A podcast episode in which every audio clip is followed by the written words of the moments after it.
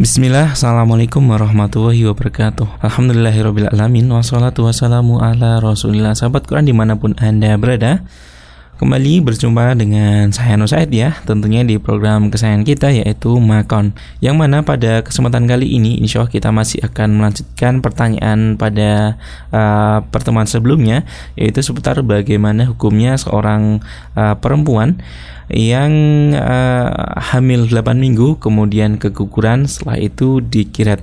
Uh, apakah hukum uh, nifas berlaku kepada perempuan tadi. Dan alhamdulillah pada kesempatan kali ini telah hadir juga narasumber kita yaitu Syekh Abdul Qadir Abdul Aziz dan juga mutajim pada kesempatan kali ini adalah Ustadz Abdul Mujib Jawhar. Dan sahabat An mungkin langsung saja kita serahkan waktu secukupnya kepada beliau berdua untuk memulai mengupas uh, pertanyaan yang menjadi topik kita pada kesempatan kali ini. Tafadhal Ustaz. Bismillahirrahmanirrahim. Assalamualaikum warahmatullahi wabarakatuh.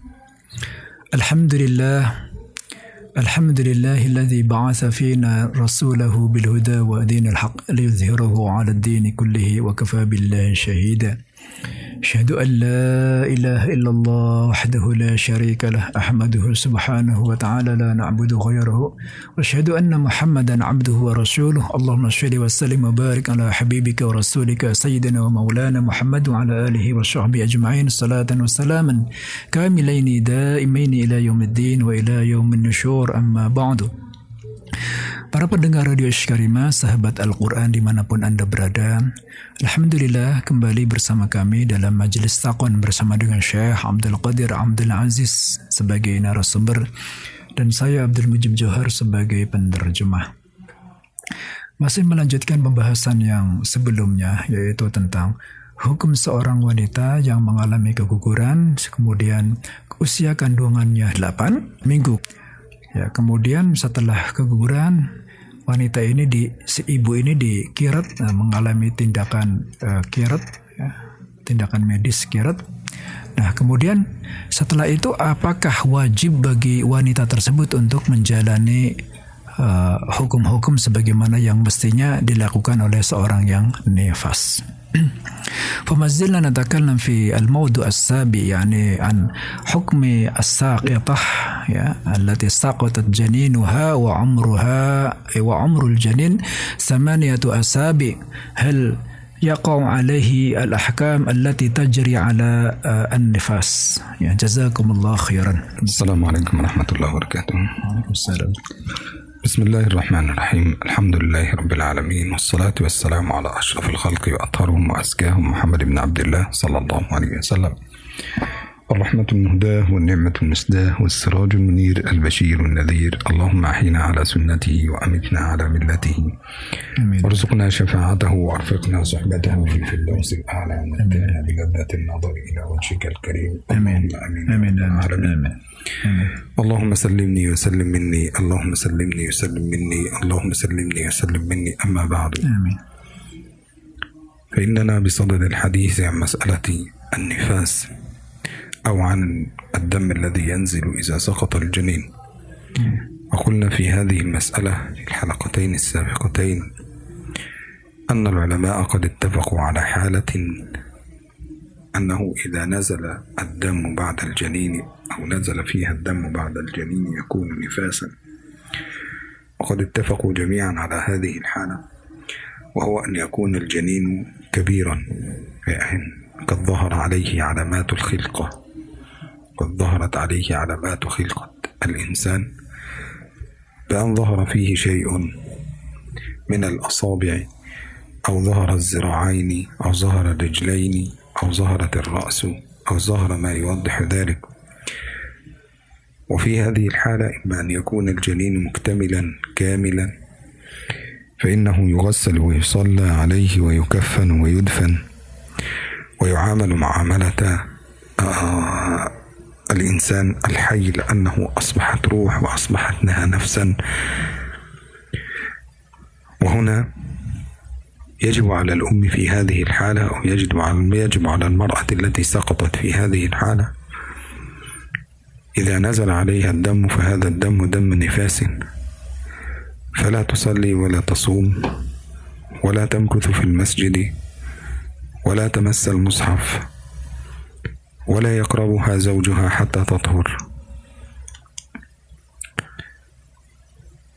هذا في الحالة الأولى وهي التي اتفق فيها الفقهاء على أن الدم إذا نزل فيها يكون دم نفاس. أما الحالة الثانية وقد اتفق الفقهاء أيضا على أن الدم إذا نزل فيها فإنه لا يكون نفاسا. وهذا باتفاق الفقهاء الأربعة. وهذه الحالة هي التي يكون فيها الإجهاض. والفرق بين الإجهاض والسقط عند العلماء لأن بعض الناس يقولون أن الإجهاض هي ما تسقطه المرأة بنفسها. يعني متعمدة إسقاطه. والسقط هو ما يسقط منها بدون تعمد. ولكن الإجهاض عند العلماء هو نوع من أنواع السقط. عند الفقهاء هو نوع من أنواع السقط. لكنه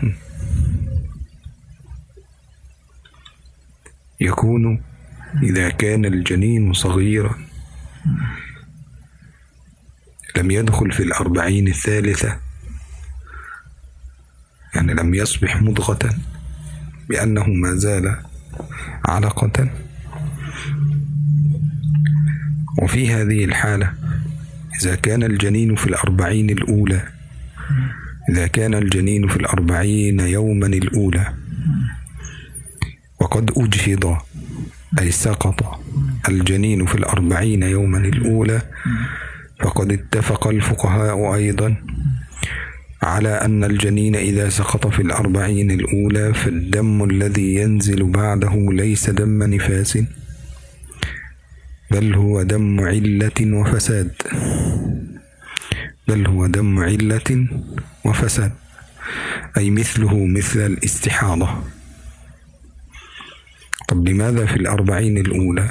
لأنه ما زال نطفة ولم يتعلق بالرحم. وبالتالي في هذه الأربعين الأولى هو عبارة عن ماء فقط. ولم يتخلق. ولذلك إذا سقط هذا فإن الدم الذي ينزل بعده يكون دم استحاضة. وعلى هذا فإن المرأة في هذه الحالة لا تمنع من الصلاة ولا من الصيام ولا من أداء العبادات ولزوجها أن يقربها حتى ولو كان الدم ينزل عليها إلا لو كان الدم في أيام حيضها. فإن كان في أيام حيضها فهو دم حيض فتنتظر حتى ينتهي الحيض. ويقربها وتطهر ويقربها زوجها حتى ولو ظل الدم باقيا فيصبح بعد الحيض هذا دم استحاضة و للزوج أن يقربها ولها ولا يمنعها ذلك من أداء العبادات. Keadaan seorang wanita yang mengalami keguguran ada dua keadaan. Yang pertama adalah keadaan yang sudah disepakati oleh para ulama akan uh, keadaan yang sudah disepakati para ulama bahwasanya seorang wanita ini dalam keadaan nefas. Hukumnya adalah hukum nefas. Ya, jadi darah yang keluar itu dihukumi sebagai darah yang nefas. Bagaimanakah keadaan ini? Yang pertama adalah apabila janin itu sudah besar, ya, janin itu sudah besar, dikatakan sudah besar, sudah muncul uh, pembentukan-pembentukan, ya, sudah ada jarinya, sudah ada tangannya, atau sudah ada kakinya, ya, baik itu secara sempurna maupun hanya sebagian, ya, maka apabila kondisi janin sudah demikian, maka darah yang keluar dari si uminya tersebut, si ibunya tersebut setelah mengalami keguran, maka dihukumi dengan darah nifas. Dan janin seperti ini maka diperlakukan seperti uh, jenazahnya orang dewasa, yaitu dia dimandikan, dikafani, dan disolatkan, kemudian dimakamkan. Kemudian si ibunya tidak boleh melakukan sholat, ya tidak boleh berpuasa, ya tidak boleh melakukan hubungan suami istri selama masa darahnya keluar tersebut karena masa ini adalah masa nifas. Kemudian keadaan yang kedua yaitu keadaan yang disepakati oleh para ulama tentang uh, apa uh, keadaan yang disepakati oleh para ulama bahwasanya kondisi ini bukan kondisi nifas ya yaitu apa yang dikatakan oleh uh, para ulama sebagai al-ijhad ya al-ijhad. Al-ijhad dengan al-isqat ini beda. Al-ijhad ini kalau kita artikan aborsi ya kalau kita terjemahkan ke dalam bahasa Indonesia aborsi Sedangkan al-isqat kalau kita artikan dalam bahasa Indonesia itu adalah keguguran. Apa bedanya al-ijhad dengan al-isqat? Ya, kalau ijhad ya aborsi ini memang uh, gugur karena faktor kesengajaan dan faktor perbuatan manusia. Jadi sengaja dikeluarkan dengan paksa, ya diaborsi, digugurkan. Bukan keguguran, digugurkan. Ya sengaja memang digagalkan janin tersebut dikeluarkan dengan paksa ya sedangkan al isqat itu memang terjadi secara tidak sengaja. Ya keluar dengan sendirinya gugur dengan sendirinya tanpa ada uh, unsur kesengajaan. Ya Janin dengan kondisi seperti ini yaitu ijhad diaborsi ya apabila janinnya tersebut umurnya uh, masih kecil ya belum dewasa janinnya belum dewasa atau belum masuk ke usia 40 hari yang ketiga ya. 40 harinya baru 40 hari yang pertama belum mencapai 40 hari yang ketiga ya. Maka apabila ya Kondisi janin seperti ini yaitu digugurkan atau diaborsi ya kemudian janinnya tersebut belum masuk ke 40 hari yang ketiga maka darah yang keluar dari ibunya tersebut itu tidak di uh, apa tidak termasuk dengan darah nifas, tapi ini adalah darah penyakit seperti seperti darah darah istihadah ya. Maka tetap dia wajib melakukan sholat, dia tetap wajib melakukan puasa ya dan ibadah-ibadah yang lain ya karena ini darahnya adalah darah penyakit atau darah rusak bukan termasuk darah haid. أما الحالة الثالثة وهي التي اختلف فيها العلماء وهذه بعد الأربعين الثانية. حتى أن ينفخ في المولود الروح أو في الجنين الروح. حتى ينفخ فيه الروح. وقد جاء في حديث النبي صلى الله عليه وسلم أن الجنين يكتب أجله وعمره وشقي وسعيد بعد الأربعين الثالثة. وقد جاء في بعض الروايات عن النبي صلى الله عليه وسلم أن الله عز وجل يوكل بالجنين ملكا يعني أن الله عز وجل يوكل به ملكا بعد الأربعين الثانية. وهنا حدث خلاف بين الفقهاء. إذا نزل الجنين بعد الأسابيع الستة الأولى يعني من خلال من واحد من الأسبوع الأول حتى الأسبوع رقم ستة إذا نزل الجنين فهذا عند العلماء باتفاقهم أن هذا يصبح آه هذا ليس نفاسا وبالتالي فإنه في هذه الحالة لا يعد الجنين الذي يسقط هذا نفاس. لا خلاص انتهى. هذا دم استحاضة وخلاص ينزل من الأسبوع الأول حتى الأسبوع السادس. لكنهم اختلفوا فيما بينهم من الأسبوع السابع. آه نبدأ من الأسبوع السابع حتى الأسبوع السادس عشر. من الأسبوع السابع حتى السادس عشر.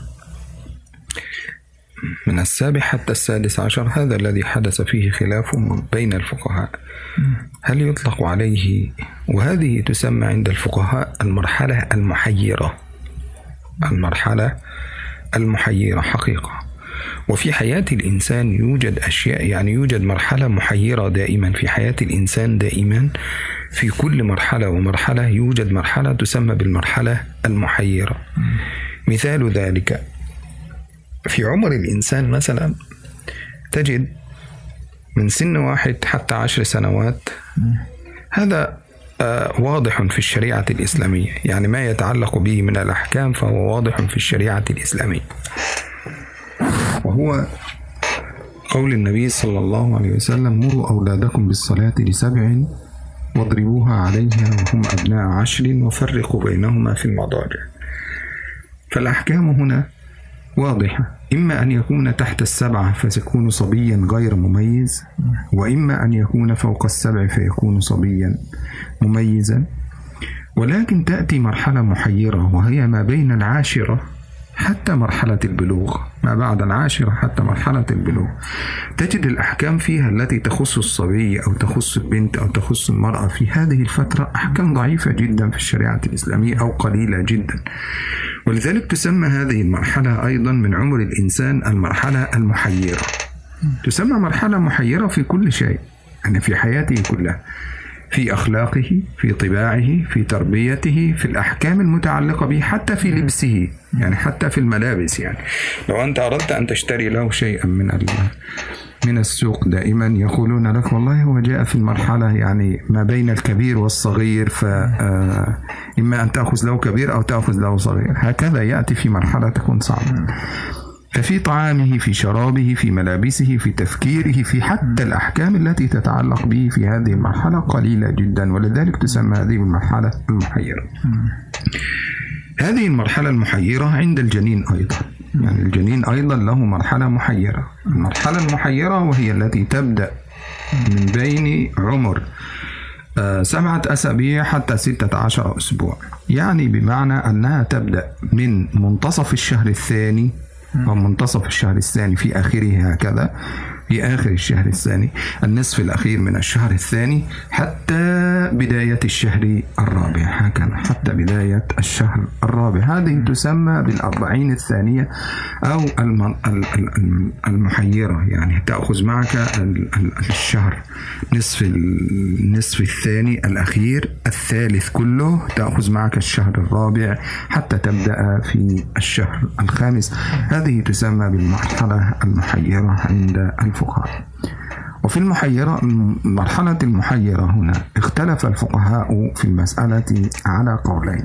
القول الأول وهو أنه إذا مات الجنين في هذه المرحلة فلا يعد سقطا بل يعد إجهاضا. يعني هذا لا يعد سقط بل يعد إجهاض.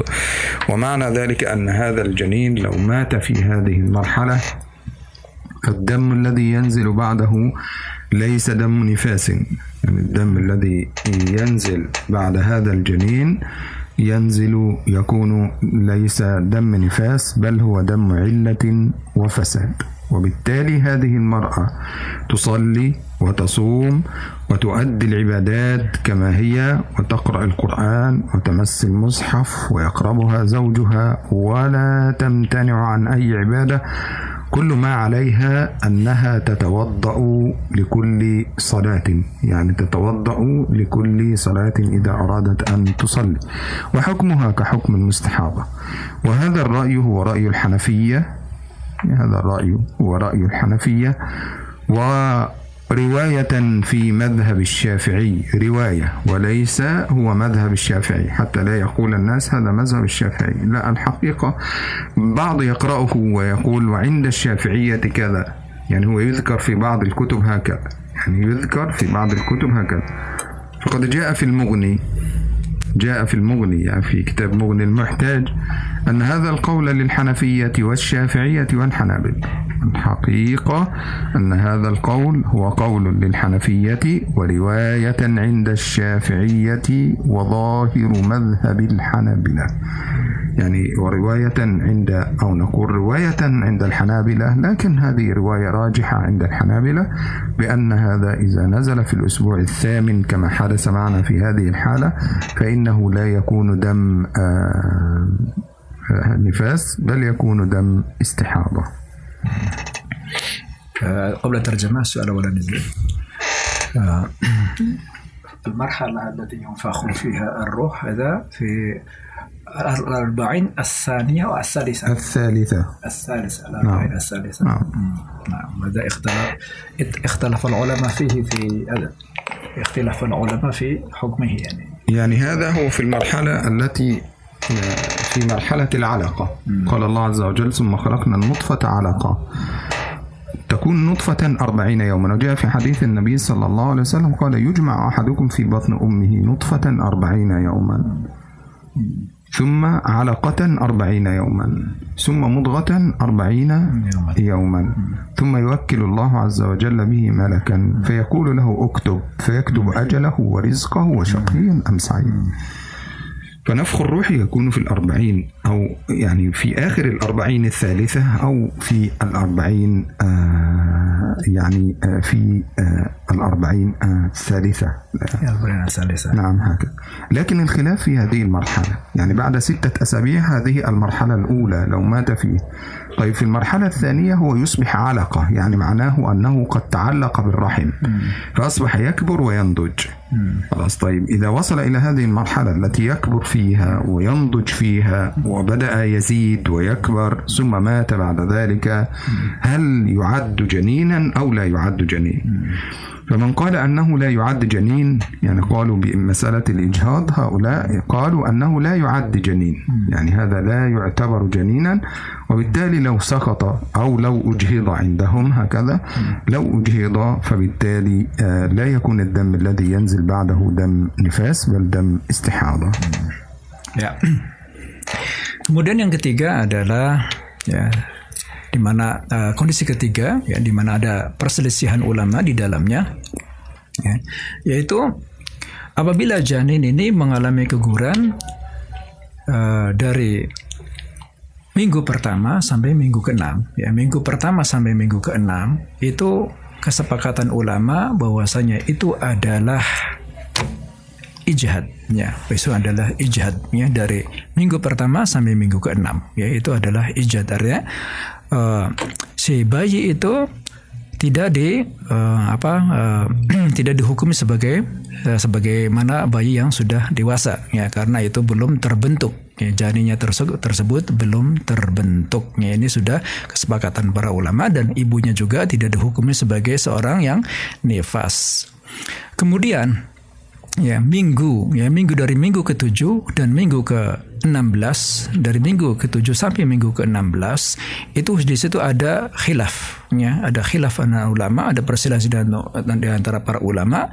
Dan inilah yang dinamakan dengan marhalah muhayyirah. Jadi marhalah periode yang cukup membingungkan. Ya cukup membingungkan. Apakah ini termasuk uh, embrio ya. Apakah ini embrio yang belum dikatakan janin ya sehingga tidak dihukumi sebagaimana janin yang sudah dewasa? Atau ini sudah masuk ke dalam hukum janin ya apa ini sudah masuk hukum janin sehingga dihukumi sebagai mana bayi yang dewasa bayi yang hidup ya. Nah ini cukup cukup membingungkan ya. Sebagaimana pada bayi ya, pada anak-anaknya, anak-anak juga ada marhalah muhayyirahnya. Kalau dari usia satu tahun sampai usia tujuh tahun itu sudah jelas hukum di dalamnya ya. Kemudian dari satu tahun sampai sepuluh tahun sudah juga jelas hukumnya buat seorang anak ketika mencapai usia 6 tahun ya antar 1 sampai 7 tahun diajarkan dimerintahkan untuk sholat. Kemudian sampai usia 10 tahun ketika dia belum sholat maka boleh dipukul dengan pukulan yang tidak melukainya. Tapi yang agak membingungkan ini adalah dari marhalah 10 sampai uh, 12 ya apakah ini dikatakan sebagai marhalah anak-anak apa dewasa ya bahkan sampai masalah akhlak, masalah berpakaian, masalah menutup auratnya. Demikian ya. Jadi sebagaimana terjadi pada anak-anak, demikian juga terjadi pada embrio dan janin. Ini ada marhalah muhayyirah, marhalah yang cukup membingungkan. Kemudian pendapat Hanafiyah dalam hal ini adalah bahwasanya bayi ya yang dalam usia 7 sampai 16 tahun sampai 16 bulan ya janin yang dari usia 7 sampai 16 bulan itu apa? Itu tidak termasuk ke dalam keguguran ya, tapi itu masuk ke dalam ijhad ya, itu tidak masuk isqat tapi itu adalah asal ijhad ya. Ya. Maka ini tidak di tidak disolatkan, ya, tidak disolatkan, tidak dimandikan dan tidak dikafani. Kemudian si ibunya juga dia tetap wajib sholat, wajib puasa, membaca Quran juga masih boleh. Kemudian juga suaminya bisa uh, boleh uh, menggaulinya.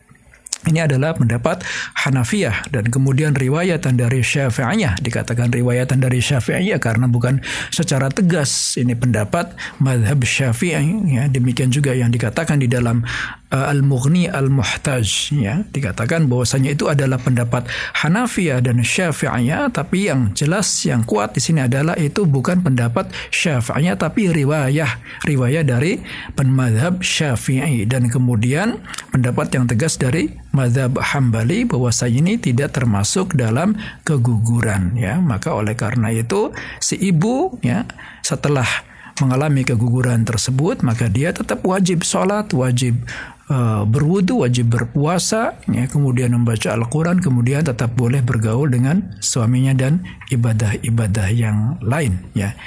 Ini yang diperselisihkan oleh para ulama. Sedangkan dari marhalah minggu yang pertama sampai minggu yang keenam itu sudah sepakat para ulama bahwasanya ini tidak termasuk janin yang dewasa tapi ini embrio baru cikal bakal ya. Belum belum janin. Ya تفضل أستاذ. ولذلك جاء في كتاب الإنصاف. الإنصاف هذا من كتب الحنابلة. جاء في كتاب الإنصاف فقال ولا يكون جنينا إلا بعد بلوغه واحدا وثمانين يوما. ولا يكون جنينا ولا يكون جنينا إلا بلوغ بعد بلوغه واحدا وثمانين يوما. ولو نظرنا في الأسبوع الثامن فإننا نجد في هذه الحالة أن الأسبوع الثامن لم يصل إلى الواحد وثمانين يوم أبدا. بل قد جاء في المغني في مغني المحتاج وجاء في المغني ومع الشرح وقال وهما وجهان متطابقان ولا يكون جنينا إلا بعد أربعة أشهر واختلفوا إذا كان في الأربعين الثالثة. يعني هذا في الأربعين الثالثة. عند هذا المذهب قال إذا دخل في الأربعين الثالثة أي أصبح مضغة. يعني أصبح مضغة. وهذه المرحلة المحيرة كما قلنا. يعني في الأول قالوا في مرحلة العلقة هي الأربعين الثانية إذا نزل فيها خلاص متفقين. هؤلاء الثلاثة آه، الحنفية ورواية الشافعية ورواية والحنابلة بأنهم متفقين فيما بينهم أنه إذا كان في العلقة أي في الأربعين الثانية ونزل خلاص هذا ليس دم نفاس. هذا خلاص.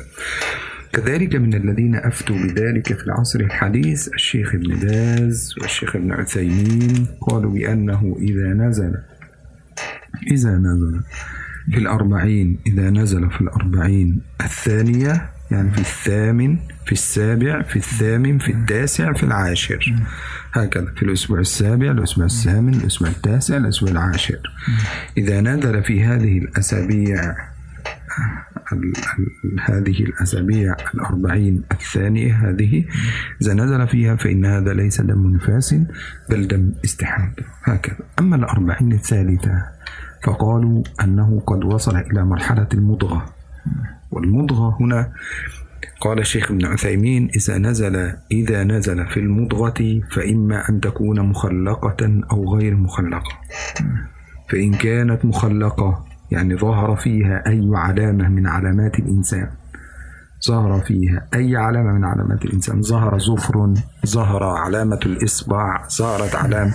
فإن كانت مخلقة كان الدم الذي ينزل بعده دم نفاس. يعني إن كانت مخلقة يكون الدم بعده دم نفاس. وإن كانت قطعة لحم فقط وغير مخلقة يكون الدم بعدها دم استحاضة وليس دم نفاس. ولما سئل الشيخ ابن باز عن هذه المسألة لما سئل الشيخ ابن باز عن هذه المسألة فقال المخلقة التي ظهر فيها علامة الإنسان يكون الدم بعدها دم نفاس. وإذا كانت قطعة لحم فقط غير مخلقة ولم يظهر عليها علامة النفاس فإنها تكون آه، دم استحاضة وليس دم نفاس. وقد أوردوا على ذلك أدلة. منها قول الله سبحانه وتعالى يا أيها الناس إن كنتم في ريب من البعث فإنا خلقناكم من تراب ثم من نطفة ثم من علقة ثم من مضغة مخلقة وغير مخلقة. جاء في تفسير السعدي جاء في تفسير الشيخ السعدي أنه المخلقة أو غير المخلقة قال المخلقة هي التي تتخلق في الرحم. المخلقة هي التي تتخلق في الرحم وتكبر وأما وتظهر عليها علاماتها من خطوط تظهر فوقها. وأما غير المخلقة التي تموت في الرحم أو لم تكتمل خلقتها فيقذفها الرحم. فتارة يقذفها الرحم وتارة يبقي. يبقى إذا الغير مخلقة هي التي لم تنبت في الرحم وبالتالي يقذفها الرحم أي يرميها خارجه. وكان هذا دليلهم على هذا على هذه المسألة. أوردوا أدلة كثيرة. إن شاء الله إن كان معنا وقت نذكرها. وإذا لم يكن هناك وقت نذكرها غدا إن شاء الله. Kemudian di dalam kitab Al-Insaf dan Al-Insaf ini adalah salah satu kitab dari kitab-kitab mazhab Hambali. dikatakan tidak dikatakan janin kecuali sampai usianya 81 hari. Ya. Kemudian dikatakan dalam kitab eh, Al-Mughnil Muhtaj ya, tidak dikatakan janin sampai usianya 4 bulan. ya. Jadi kesepakatan para ulama yaitu ulama Syaf ulama Hanafiyah, Syafi'iyah ya, bahwasanya apabila janin tersebut usianya adalah 40 hari yang pertama, ya 40 hari pertama, ya ada 40 hari pertama, kemudian 40 hari kedua, maaf, apabila janin usianya sudah masuki 40 hari yang kedua, ya, kemudian gugur, ya, kemudian maka darah yang keluar dari si uminya tersebut, si ibunya tersebut tidak dikatakan nifas. Ya. Ya. Kemudian demikian juga apabila uh, janin tersebut gugur ya pada minggu ya minggu ketujuh atau minggu ke-8 ya maka oleh karena itu darah yang keluar dari si uminya tersebut bukan darah bukan darah nifas ya kemudian sekarang Apabila eh, bayi yang mengalami keguguran tersebut memasuki usia 40 hari yang ketiga, ya. Nah, kondisi janin, eh, kondisi embrio, ya, ya, ketika memasuki 40 hari yang ketiga itu dia adalah mudghah ya. Mudghah ini baik dia mukhallaqah atau ghair mukhallaqah ya. Mudghah itu segumpal daging. Segumpal daging ini mukhallaqah baik dia sudah mengalami pembentukan, sudah ada rupa manusia, sudah ada kaki, sudah ada jari, sudah ada ciri-ciri pembentukan ya, ciri-ciri itu uh, pembentuk manusia gitu, ciri-ciri tubuh manusia atau ghair mukhallaqah ataupun uh, belum tercipta, belum terjadi, belum terbentuk penciptaan. Ya. Bagaimana kalau dia ghayur mukhallaqah ya? Kalau dia ghayur mukhallaqah atau belum terjadi penciptaan ya, maka si uminya tersebut tidak wajib nifas ya, tidak wajib nifas. Kemudian kalau itu uh, sudah terbentuk ya, sudah tercipta ya, Ibnu Bas mengatakan kalau bayi tersebut sudah terbentuk atau sudah tercipta ada di situ bentuk-bentuk tubuh-tubuh manusia maka si ibunya itu wajib menjalani hukum nifasnya. Ya Ibnu Bas mengatakan demikian ya. Kemudian apabila bayinya tersebut belum terbentuk, belum terbentuk, janinnya belum terbentuk, embrionya belum terbentuk, maka itu dikatakan sebagai darah istihadah atau darah penyakit. Dalilnya adalah dari Al-Quran. Ya Allah Subhanahu wa taala berfirman, "Ya ayuhan nasu in kuntum fi raibin min al-ba'thi fa inna khalaqnakum min turabin thumma min nutfatin thumma min 'alaqatin thumma min mudghatin mukhallaqatin wa ghayr mukhallaqatin." Ya. Ya ayuhan nasu hai manusia, in kuntum fi raibin kalau kalian ragu-ragu ya akan hari kebangkitan, fa inna khalaqnakum maka sesungguhnya Allah Subhanahu wa taala menciptakan kalian dari tanah. Fa inna khalaqnakum min turab. Sesungguhnya Allah Subhanahu wa taala menciptakan kalian dari tanah. Summa min nutfah. Kemudian bentuk sperma dari sperma summa min alaqah kemudian dari segumpal darah summa min mudghah kemudian dari segumpal daging mukhallaqatin baik yang tercipta sudah terbentuk au ghairu mukhallaqah ataupun belum terbentuk apa yang dinamakan dengan apa yang dinamakan dengan al-mukhallaqah ya. Di dalam tafsirnya As-Sa'di mengatakan al-mukhallaqah tatakhallaqu fir, fir rahim. Yang dinamakan mukhallaqah itu sudah tercipta, sudah terbentuk di dalam rahim. Sedangkan ghairu mukhallaqah itu belum tumbuh ya, belum tumbuh, belum tercipta, kemudian dibuang ya. Dibuang atau terhempasnya. Jadi segumpal darah itu baru mu'allaqah ya belum mudghah baru mu'allaqah kemudian terhempas kemudian terbuang dari rahimnya dan mengalami keguguran ya Para pendengar radio Karimah sekalian yang berbahagia, demikianlah ya, pembahasan kita hari ini. Mudah-mudahan bermanfaat dan insya Allah akan kita lanjutkan pada sesi majelis takun yang berikutnya. Mudah-mudahan Allah Subhanahu wa Ta'ala memberikan kesempatan kepada kita untuk terus mengikuti sesi kajian pada yang berikutnya. Jazakumullah khairan atas perhatiannya. Assalamualaikum warahmatullahi wabarakatuh. Waalaikumsalam warahmatullahi wabarakatuh. Ya, jazakumullah khair kami ucapkan kepada beliau berdua yaitu Syekh Abdul Qadir Abdul Aziz sebagai um, narasumber dan juga Ustadz Abdul Mujib Jawar sebagai mutarjim pada kesempatan kali ini. Ya dan saudara nah, kita cukupkan dulu perjumpaan kita pada kesempatan kali ini dan insya Allah akan kita lanjutkan pembahasan uh, seputar permasalahan ini tentunya di kesempatan berikutnya. Dan kita tutup dengan uh, bacaan hamdalah dan doa kafaratul majelis. Alhamdulillahirabbil alamin. Subhanakallahumma wa bihamdika asyhadu alla ilaha illa anta astaghfiruka wa atubu ilaik. Wassalamualaikum warahmatullahi wabarakatuh.